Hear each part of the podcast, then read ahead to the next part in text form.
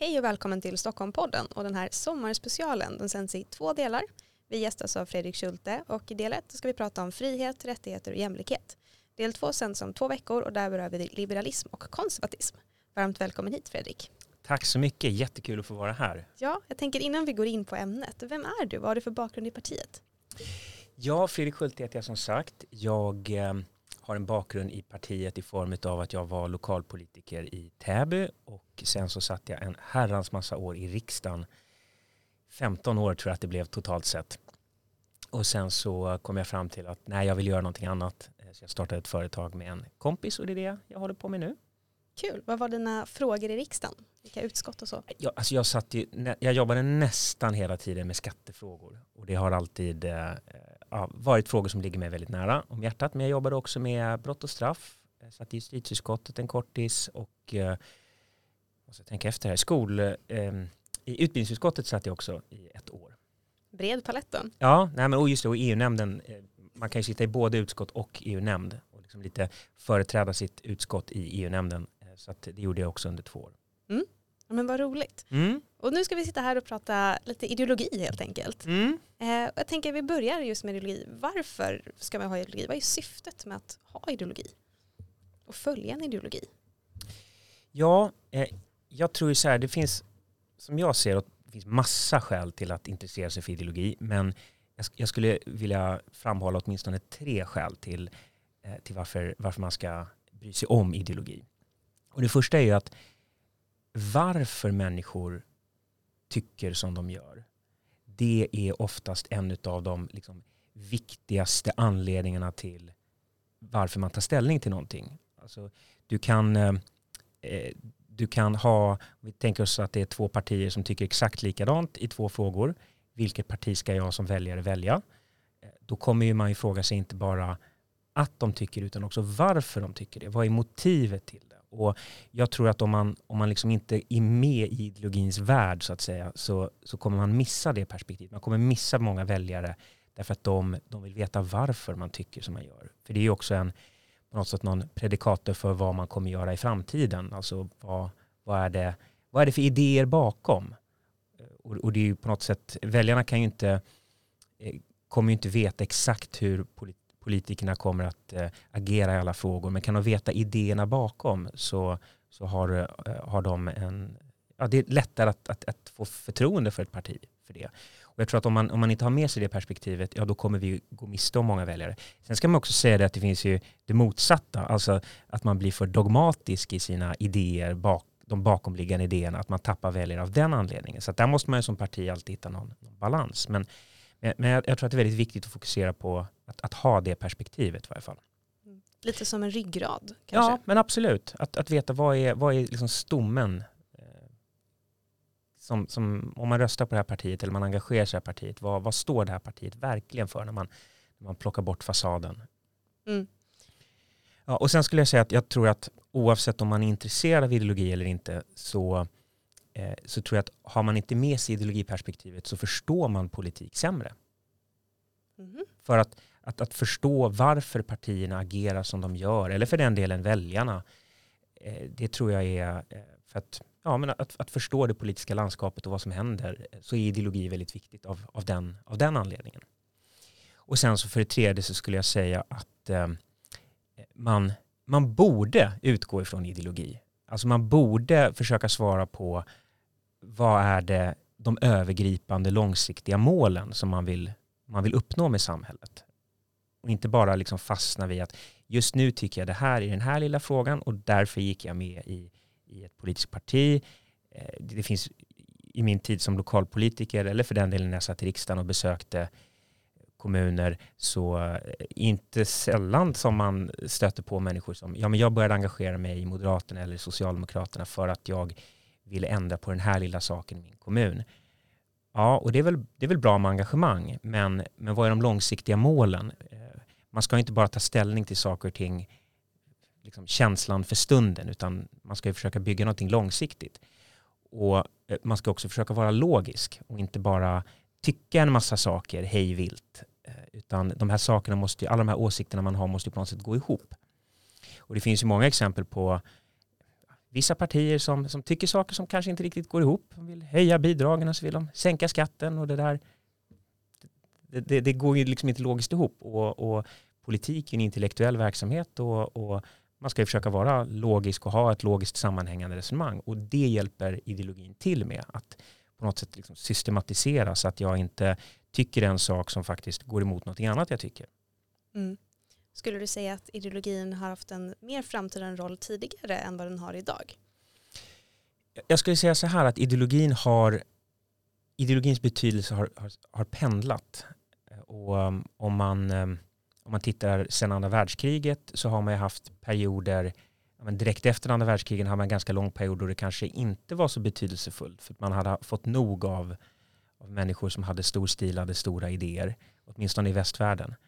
Och sen så gick det några decennier och så kom liksom 68-rörelsen och då blev på något sätt under slutet på 60-talet och 70-talet så blev det väldigt mycket, och även in på 80-talet blev det väldigt mycket ideologi och liksom de stora idéernas kamp.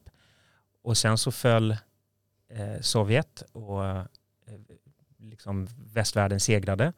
Och, och då hade vi en period av att det inte var så betydelsefullt med ideologi, utan då var det lite mer, jag tänker politikerna som trädde fram då, det var ju politiker som, som Bill Clinton, eh, Tony Blair, Fredrik Reinfeldt, som snarare liksom ville eh, promota att de är bra vd för sina respektive länder. Det finns inga storstilade idékamper som tidigare när vi hade politiska ledare som Olof Palme, Margaret Thatcher och Ronald Reagan, då var det ju mer, då var det mer idébaserat. Men jag tror att vi är på väg in i en ny sån, eller vi är inne i en sån era där, där idéer har mycket större betydelse. Jag tror att det här hänger ofta ihop med när ehm, alltså samhällen utsätts för olika prövningar. Och nu har vi stora prövningar kopplat till bland annat migration, kriminalitet och globalisering som vi ser i hela västvärlden. Och då, då får idéer mycket större betydelse och människor frågar sig, ja men nu har vi hamnat här, hur, vad, hur ska vi ta oss ur det här och vad är det för idéer som ska bära det? Mm. Kan det ibland vara rätt att frångå sin ideologi i vissa frågor? Ja, eh, det där är en intressant fråga.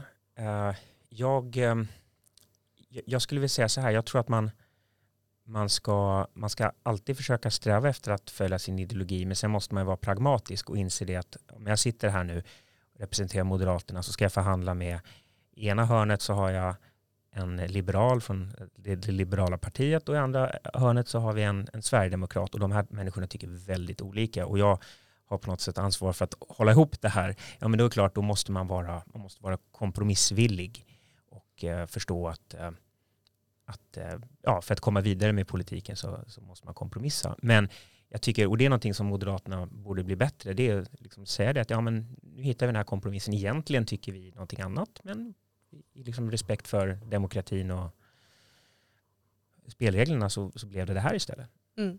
Kanske liknande med a-kassorna nu exempelvis. Absolut, och jag, där har jag lite kritik mot, eh, mot, eh, mot mina före detta kollegor i riksdagen att eh, man, jag har sett lite exempel på där man till och med har hyllat och, och, och, sagt att det här är bra reformer som man genomför. Jag tycker varför inte bara säga att nej men det här är inte det vi helst skulle vilja se men det var vad det kompromissade i. Mm.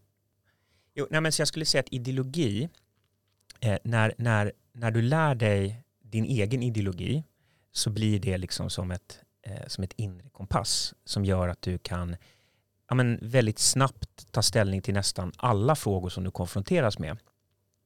För att alla frågor kan reduceras ner till liksom en grundläggande idé bakom. Om vi säger, ska vi ställa ett cykelställ här utanför? Eh, kontoret. Eh, vi sitter på Moderaternas eh, kansli här nu. Den frågan kan man reducera ner till en äganderättsfråga. Vem, vem äger marken? Och då skulle någon som är höger generellt sett säga att det är den som äger marken som bestämmer.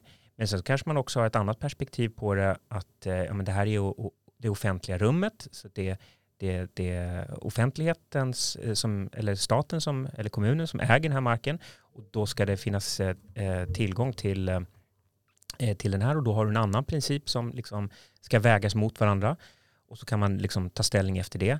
Men poängen är att även ett cykelställ kan reduceras ner till en ideologisk fråga. Och förstår du din ideologi och de liksom grundläggande eh, konfliktslinjerna, ja, men då kan du ta ställning till nästan vilken fråga som helst om någon kastar den på dig. Mm. Det där är ju väldigt intressant, för det kan ju också vara en stor betydelse varför man ska lära sig ideologi som företrädare för ett parti. Verkligen. Att man, man kan ju inte svara på alla frågor, man kanske inte kan sitt partiprogram utan och innan, men om man har sin ideologi i ryggen så kanske man kan svara på väldigt många frågor utifrån det perspektivet också. Mm.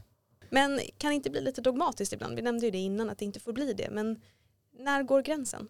Ja, och eh, så här, jag tror att eh, när, man har, när, man har, när jag har haft ideologiutbildningar eller när jag själv tidigare eh, har gått på ideologiutbildningar så, så har jag många gånger känt att aha, nu ska någon komma här och eh, liksom banka någon, någon, någon, bok i huvudet på en och säga nu ska du tycka, det här är vad du ska tycka. Och det perspektivet eh, tycker jag är väldigt, eh, det är fel. Så ska man inte resonera utifrån liksom, när man pratar om ideologi. Utan jag tycker snarare att man ska, man ska lära sig de grundläggande konfliktslinjerna.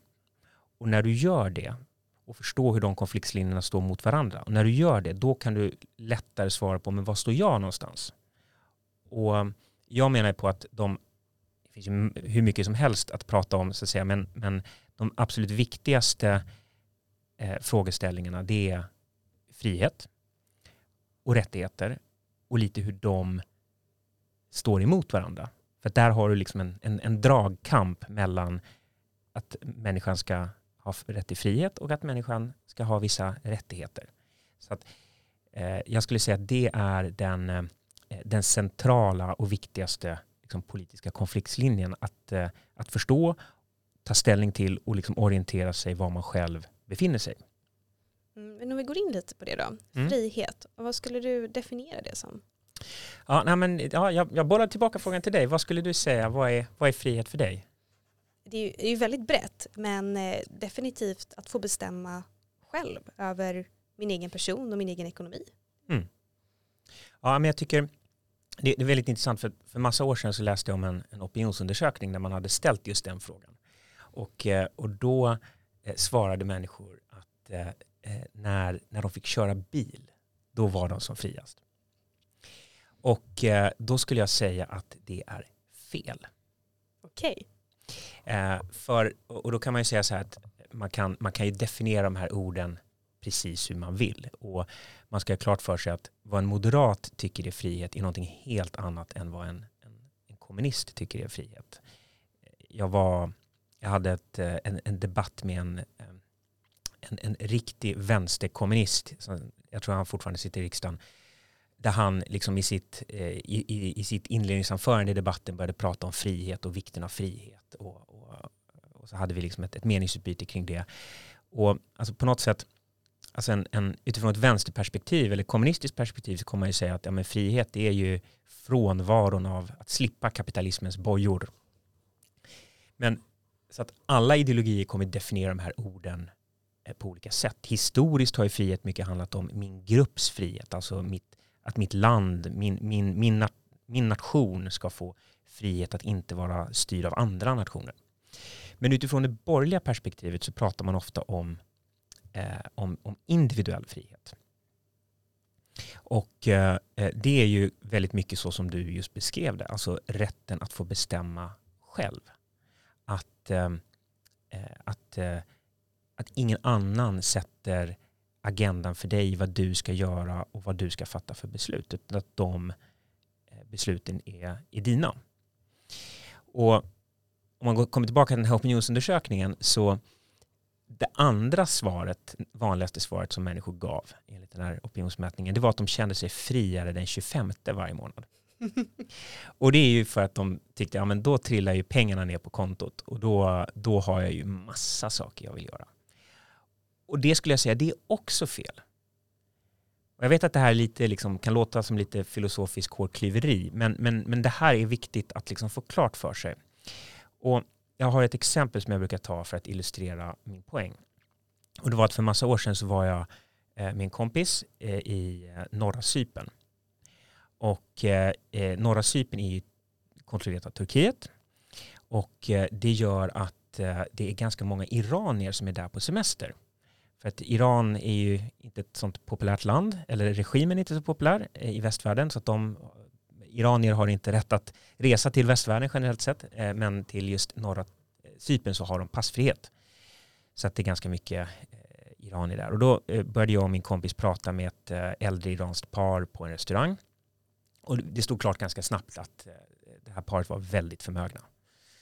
Mannen var i oljebranschen och ja, han såg ut att bada i pengar. Men trots att han hade de här enorma rikedomarna så på många sätt så är han ju ofriare än den, den fattigaste svensken. För att framförallt hans fru eh, som måste bära slöja, eh, som har en massa regler hur de, hur de måste bete sig.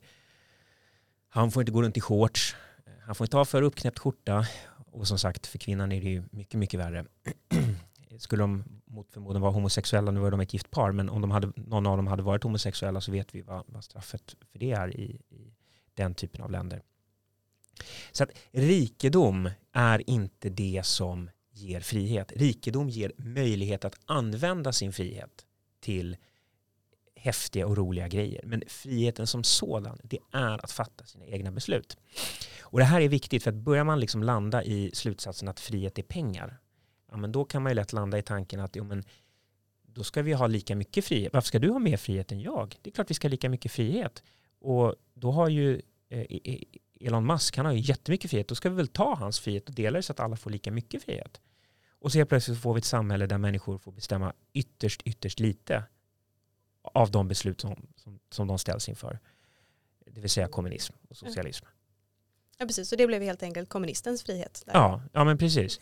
Så att, så att eh, eh, just det att frihet är att fatta dina egna beslut. Det är inte att du ska ha saker eller få saker eller ha möjlighet att göra saker utan det är just den här liksom strikta eh, avgränsade aspekten av, av livet att få fatta dina beslut själv. Men om vi då definierar frihet som en individuell frihet mm. och att det är en individuell fråga. Alla individer har ju inte möjlighet att bestämma själva eller kanske inte klarar av det kapacitet. Jag tänker exempelvis, vi har ju psykiskt sjuka som kanske har röster. Mm. Ska de då också ha frihet att lyssna på de här rösterna? Eller? Ja, det där är en väldigt intressant, eh, en intressant fråga eh, och det finns ju inom liksom filosofin är det många som säger att eh, man tar liksom buddhismen eller eh, Eh, även många västerländska filosofer i modern tid som har liksom haft ett nästan buddhistiskt perspektiv på det att frihet är att bli, bli fri från dina, eh, från dina eh, känslor och dina drivkrafter. Buddha sa ju det, frihet är det. Eh, rik är den som är nöjd med vad han har. Alltså att, eh, att inte känna det här liksom att bli kontroll över dina känslor på något sätt. Och, och det, din fråga här om någon som hör röster, det är ju på något sätt ytterlighetsexempel. Och den frågan är liksom lite lagd åt sidan här. Eh, poängen är just att du som individ ska fatta, få fatta dina beslut. Att inte någon annan. För alternativet, antingen fattar jag mina beslut eller så bestämmer någon annan åt mig. Och perspektivet här på, på den individuella friheten är att du ska få fatta dina beslut. Sen är frågan, är, är, är de beslut du fattar verkligen dina? Eh, det, det, är på något sätt en annan frågeställning. Och, och, det kan man ju rota sig vidare i. Men, men poängen är att det, det är ingenting som, liksom, eh, som har med friheten som sådan att göra. Men eh, ponera nu då, jag sitter ju på min arbetsplats mm. eh, och jag har ju blivit i princip tillsagd av min chef att spela mm. in den här podden. Mm. Eh, är det då ett fritt val att jag gör det här? Ja, och det är också en väldigt bra fråga. För att eh, jag tror att du har ju på något sätt valt att jobba här. Och då har ju du och din chef, liksom, ni har kommit överens om ett avtal. Vad är det din chef ska liksom kunna uppdra till dig att göra och vad kan han inte uppdra till dig att göra? Och, och, och att spela in i podden, ja men det kanske faller inom, inom liksom rimliga gränser. Men skulle han säga, jag vill att eh, du eh, eh spelar tv-spel på lördag kväll. Det, det, det, har ni avtalat om att det, det ska inte han ha några synpunkter på. Eh, och då kan man liksom dra det till sin ytterlighet och fråga kan man ja, men, komma överens eh, med, om ett avtal om att eh, du i princip blir din chefs slav. Ja, det är en lite mer komplicerad fråga men i grund och botten så liksom, eh, du har ju frihet att sluta på det här jobbet. Mm. Eh, och, eh, men i och med att du har också valt att vara på det här jobbet, ja, då kommer du också liksom vara ålagd att göra vissa saker. Så att, och det är samma sak i en relation till exempel. Om din partner kommer och säger nej men eh, jag vill att du ska göra det här och det här och du egentligen inte vill det, ja då kanske i ytterligheten av fallen eh, liksom att resultatet av det blir att ni gör slut. Eh, men, men så att frihet är ju att få göra vad man vill, men du kommer fortfarande att interagera med människor i samhället och de kommer ha sina viljor och sen så kommer det här liksom stöttas mot varandra och så får man välja om man ska ha en interaktion med människor eller inte. Det var ett väldigt bra svar tycker jag. Ja, tack. Men om vi går ut till mannen på gatan och frågar eh, om den personen anser att han är ofri, vad tror du vi skulle få för svar då? Jag tror att eh, ganska få skulle säga att de är ofria. Och då kan man fråga sig, vad, om, om frihet nu är en viktig budskap eh, för, för Moderaterna, och vår, centralt i vår ideologi, då kan man fråga sig, har vi blivit obsoleta I, och med att, i och med att ganska få känner sig ofria? Och, och då skulle jag säga att nej, så är det absolut inte. Utan det finns ett antal, det är klart, det finns exempel på där vi har eh, renodlade ofriheter i Sverige. Alltså vi har ju Systembolaget till exempel. Det är, staten har bestämt att, eh, att vi får inte gå ut och handla alkohol när vi vill.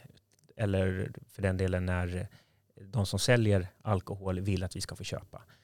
Eh, så där har vi liksom ett, ett direkt förbud och det finns eh, något som stör mig väldigt mycket. Det är massa, jag, jag drömmer om att få köpa en tomt och bygga ett hus. Mm. Och det är massa regler kring det. Um, särskilt om man, om man vill, uh, jag älskar ju liksom havet och få, få bo nära havet och då har du massa problem. Det är strandskyddet som kommer där och bråkar och säger nej, jag bara, det får du inte göra.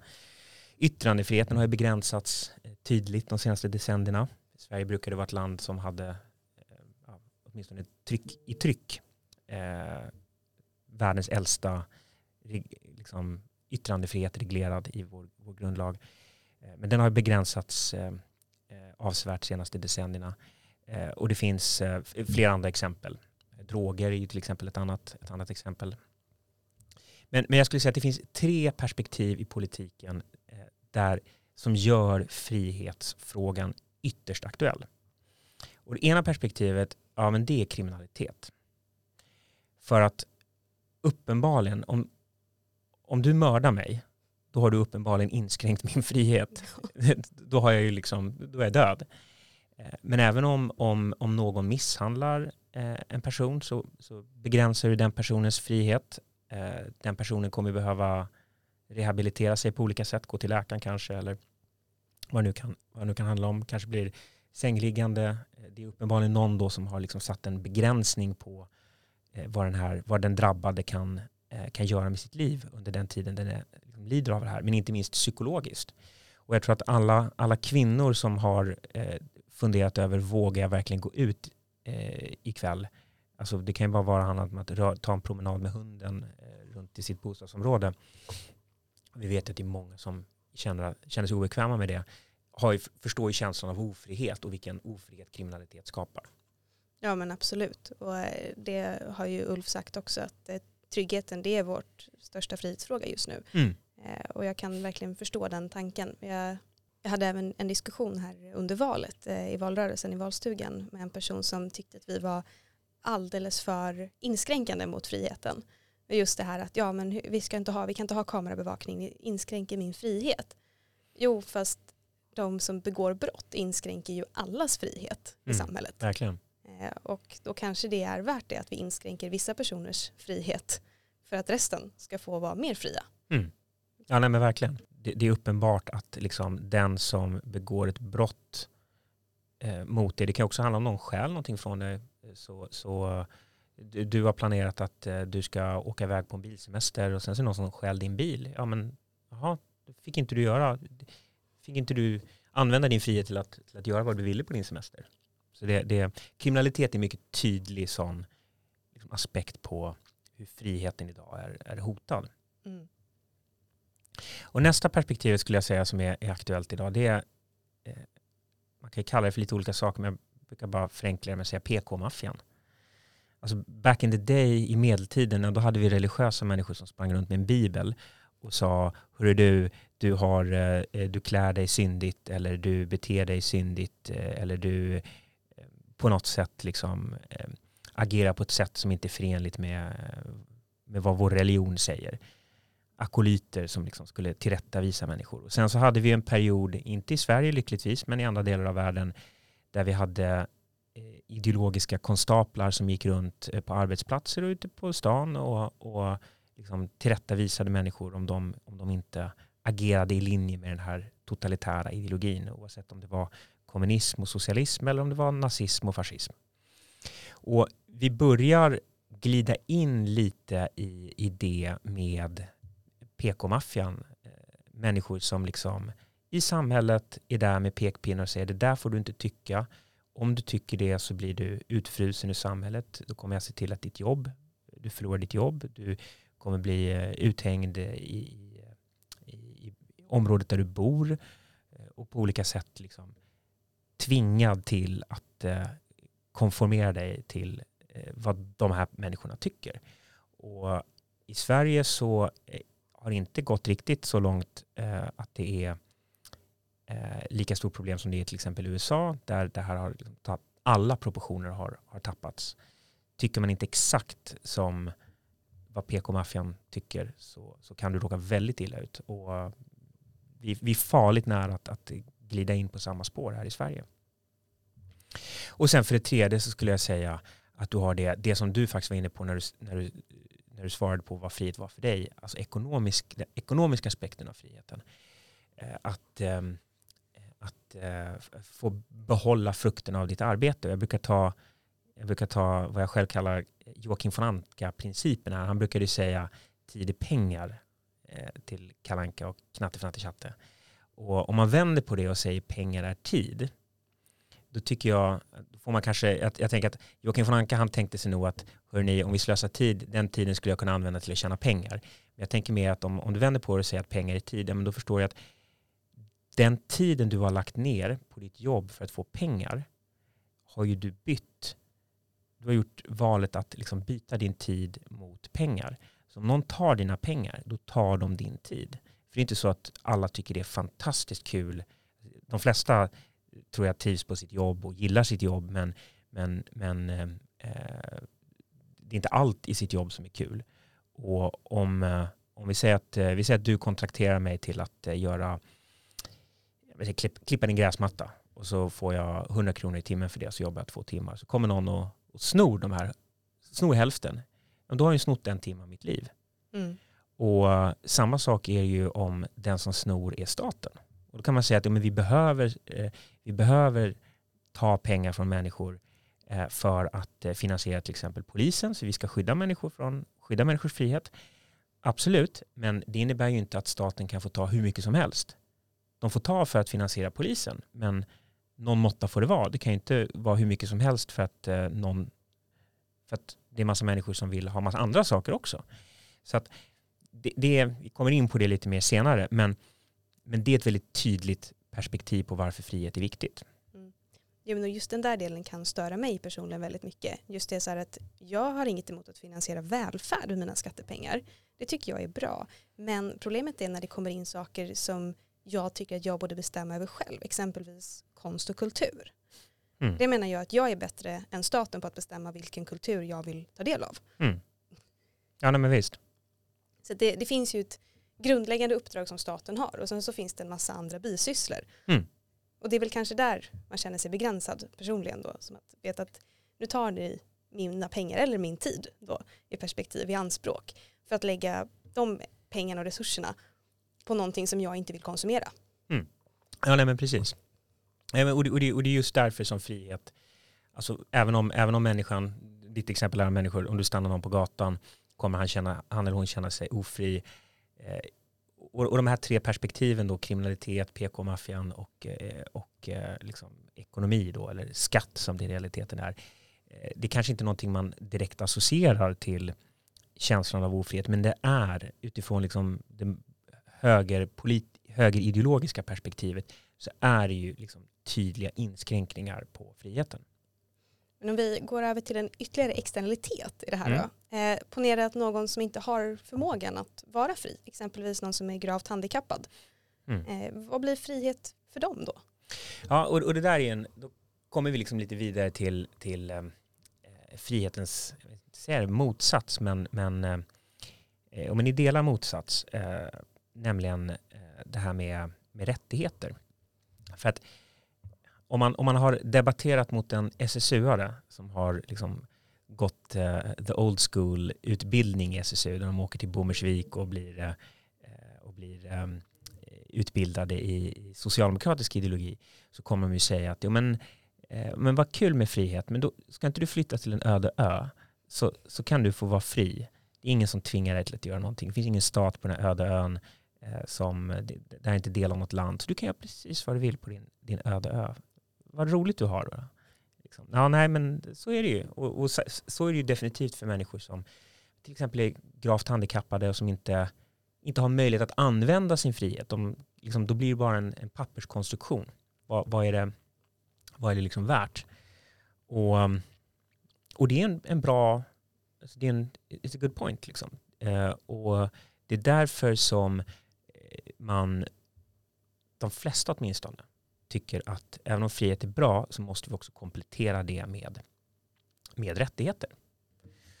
Och eh, utgångspunkten då är ju vad är det för liksom grundläggande mänskliga rättigheter som alla har rätt till som staten ska liksom tillhandahålla till alla oavsett, eh, oavsett anledning. Och just för att du ska liksom komma till en nivå där människor där frihet inte bara blir en papperskonstruktion. Och eh, då, och jag tycker just att man ska ha perspektivet att det är en mänsklig rättighet, att det liksom inte bara är någonting, ja men det där vore en schysst grej att ha, för då, då slutar det väldigt lätt i kommunism, där, där, du, där staten ska tillhandahålla allting. Utan man får liksom fråga sig, vad är, den, vad är den grundläggande sakerna som som staten ska tillhandahålla. Och det här är ju liksom, även om sossar och vänsterpartister inte kanske resonerar på det sättet så är det faktiskt så de själva eh, i sin politik också agerar. Alltså sossarna vill inte ha 100% skatt. De, de, de har ju begränsningar för hur mycket hur hög skattetrycket ska få vara. Så, att, eh, så att de har ju också indirekt det sättet att, att eh, förhålla sig till frågan. Alltså vad är de grundläggande rättigheterna?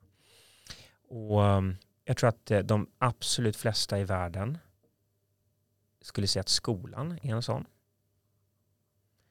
Men eh, eh, redan efter skolan så blir det ganska snabbt så att åtminstone ser i, i västvärlden att människor eh, skiljer sig åt. Och om du tar USA till exempel så sjukvård, någonting som i Sverige är eh, en självklarhet att det ska finansieras via det offentliga. Det, så är det ju inte i USA. Nej.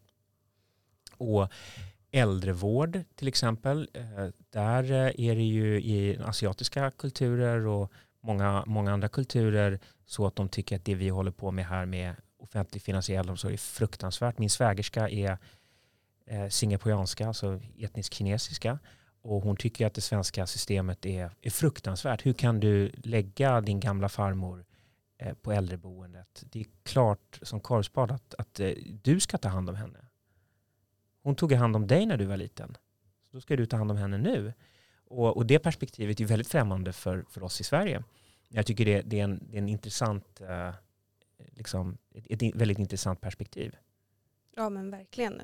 Det perspektivet är också en, så på något sätt kan det ju bli en frihetsfråga även för dig som har din gammelmormor. Att om du då enligt kulturen är tvingad att ta hand om henne, mm berövas inte du din frihet då egentligen också? Mm. Nej, men, och, det, och det där är, det är många i, i asiatiska länder som, som liksom, eh, känner en enorm press eh, av det. Eh, och inte minst kvinnor som liksom ofta är de som är tillvisade att eh, in, informellt tillvisade att, att ta hand om, om ja, de äldre. Så att säga. Så att, eh, ja, men, eh, precis, men, men det, oavsett vad så är det liksom det är en intressant fråga att ställa sig. Vad är de grundläggande sociala rättigheterna? Och, eh, och liksom på något sätt hitta sin, sin åsikt där, vad man tycker den gränsen drar. Eller den, vart man ska dra den gränsen. De flesta brukar tycka att staten ska stå för vägar och kollektivtrafik också. Eh, och sen så mm, har du ju eh, frågan om bidrag, alltså hur ska vi ge pengar till människor som inte, inte kan försörja sig själva. Och där tycker de flesta att ja, men, i sin ytterlighet, ja, men du måste också ställa tuffa krav och det är ingenting du kan ta för givet. Eller, eh, vi ska, och vi ska definitivt inte ge så mycket. Jag tycker det här med kultur är intressant. Eh, jag vet att Malmö kommun de la ner några hundra miljoner på att bygga en vikingabåt. Mm. För de tyckte det var en bra idé. Eh, och då tog de ju skattepengar. Och då liksom, om vi går tillbaka till den här Joakim von Anka-principen, då tog de från, pengar från dig för att finansiera någonting som du inte ville ha. Eller ja, du kanske gillar vikingabåtar och det är väl liksom fair enough. Men, eh, men eh, eh, då tycker nog liksom den som är höger generellt att det är någonting som ska finansieras frivilligt.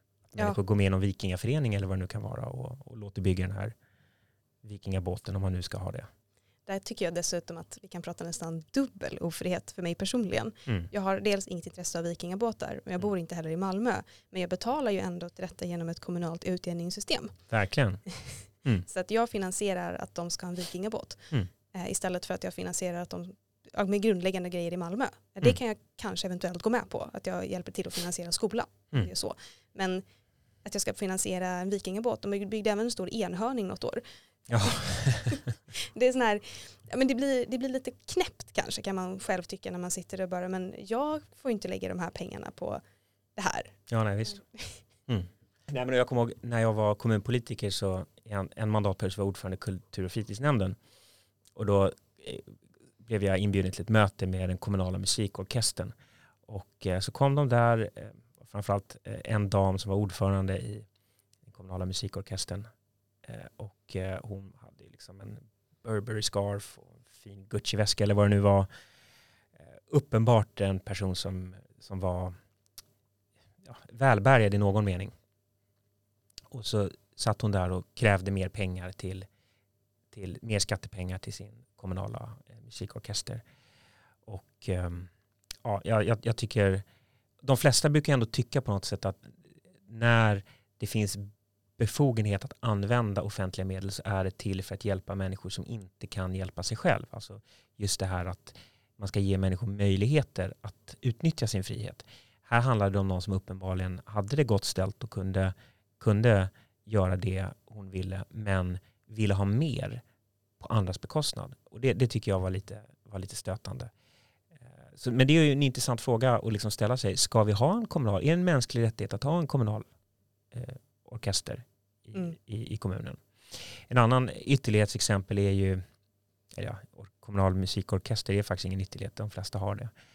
Eh, men um, ett annat ytterlighetsexempel är, nu har jag glömt bort vilken kommun det var, men det var en, en kommun i södra Sverige, Skåne, som kom fram till att ja, men den här badstranden är ju fin, men ja, det blir kallt på vintern. Eh, det är tråkigt att vi inte kan använda badstranden så mycket, så att ja, men vi värmer upp vattnet vid den här badstranden.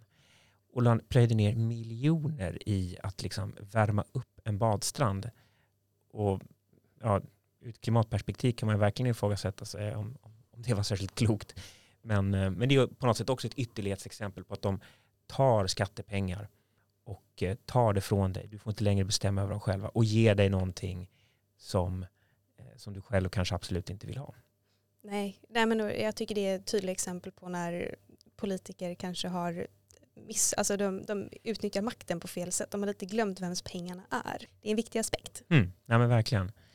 Nej men så att jag tycker, alltså, och det var hit jag ville komma, apropå den här frågan med att eh, dunka någon bok i huvudet och säga att ideologi handlar om att man ska bli uppläxad och lära sig vad man ska tycka och tänka. Och, och då skulle jag säga då att det man bör göra det är att fundera över, okej okay, du har frihet i ena vågskålen och sen så har du rättigheter i andra vågskålen. Och vi är med på att eh, de här står lite emot varandra. Alltså, det är en dragkamp mellan dem. Ju mer rättigheter du har, desto mer skattemedel lägger du vantarna på och det vill säga naggar friheten i kanten. Så det blir, oavsett vad, det, det finns ytterst få som kan säga att jag är 100% frihet.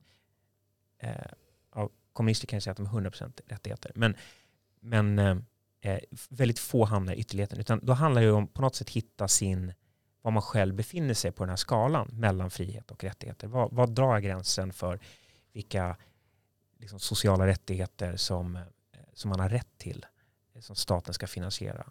Och eh, utifrån det liksom hittar, hittar sin egen ideologi. Inte, lär sig, eller inte liksom tvingas att ta till sig av eh, någon, någon gammal gubbe för 300 år sedan har skrivit utan hitta sig själv i den här liksom, konflikten mellan frihet och, och eh, sociala rättigheter. Sen finns det ju något, eh, jag tänkte att vi ska inte glida in för mycket på um, det här med, med jämlikhet, men eh, jämlikhet är ju på något sätt, det kan ju tolkas precis som frihet på väldigt olika sätt.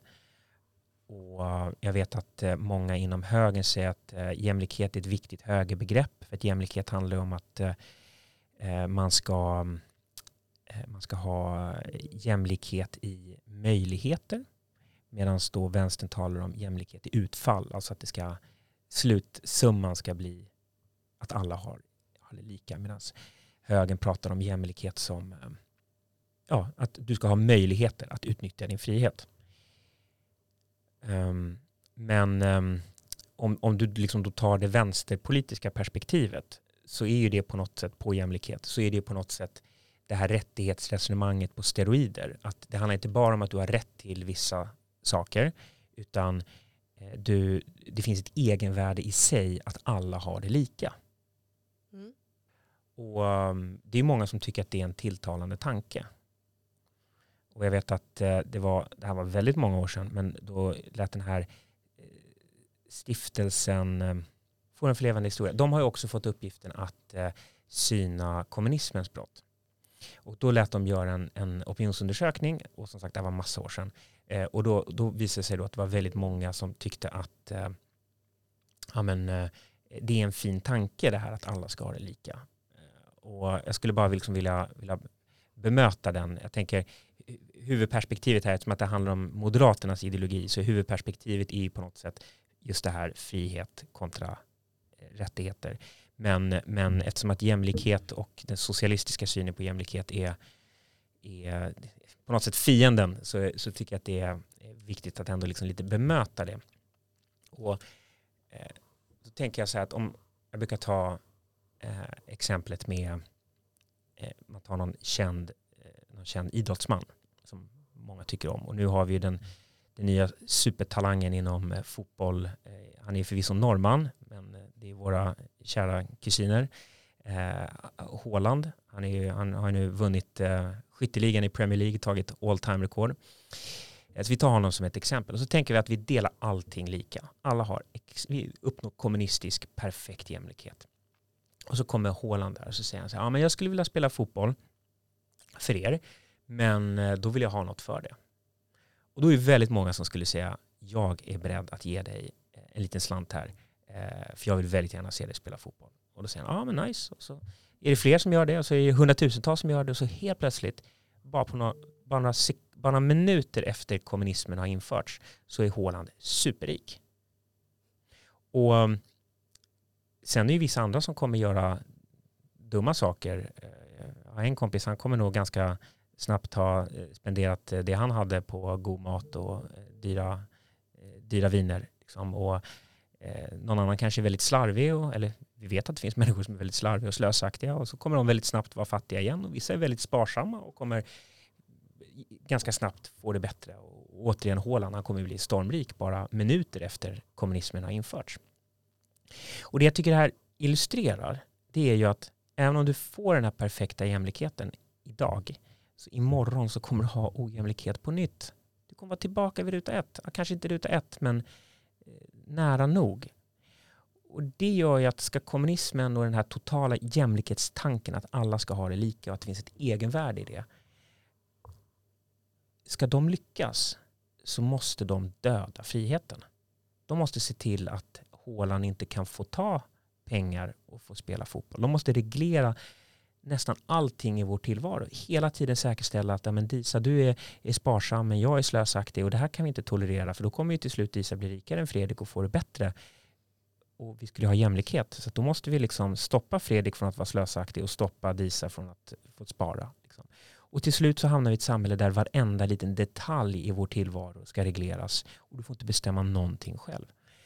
Så att ehm, liksom, jämlikhetstanken återigen, det har inte någon bäring på, uh, på liksom huvuddragen i, i, i Moderaternas ideologi, men jag tycker gärna det är viktigt att, att liksom ha med det, att det där är inte en fin tanke och det är inte liksom ett perspektiv som, uh, det, det är någonting dåligt helt enkelt. Jo, det förutsätter ju också att alla människor är lika, vilket vi absolut inte är. Mm, nej men precis. Vi har olika intressen, vi har olika fallenheter, vi har olika talanger och så vidare. Mm. Nej men eh, som sagt, så att, eh, jag tycker min rekommendation till alla är alltid fundera över liksom, frihetsbegreppet. Det eh, och rätten att få bestämma själv. Och hur högt värderar du det kontra då vad du tycker att andra människor eller alla människor ska ha rätt till i form av rättigheter. Och liksom inse att det där är en dragkamp. Du kan inte få hela kakan och äta upp den och liksom hitta din egen, eh, din egen position där.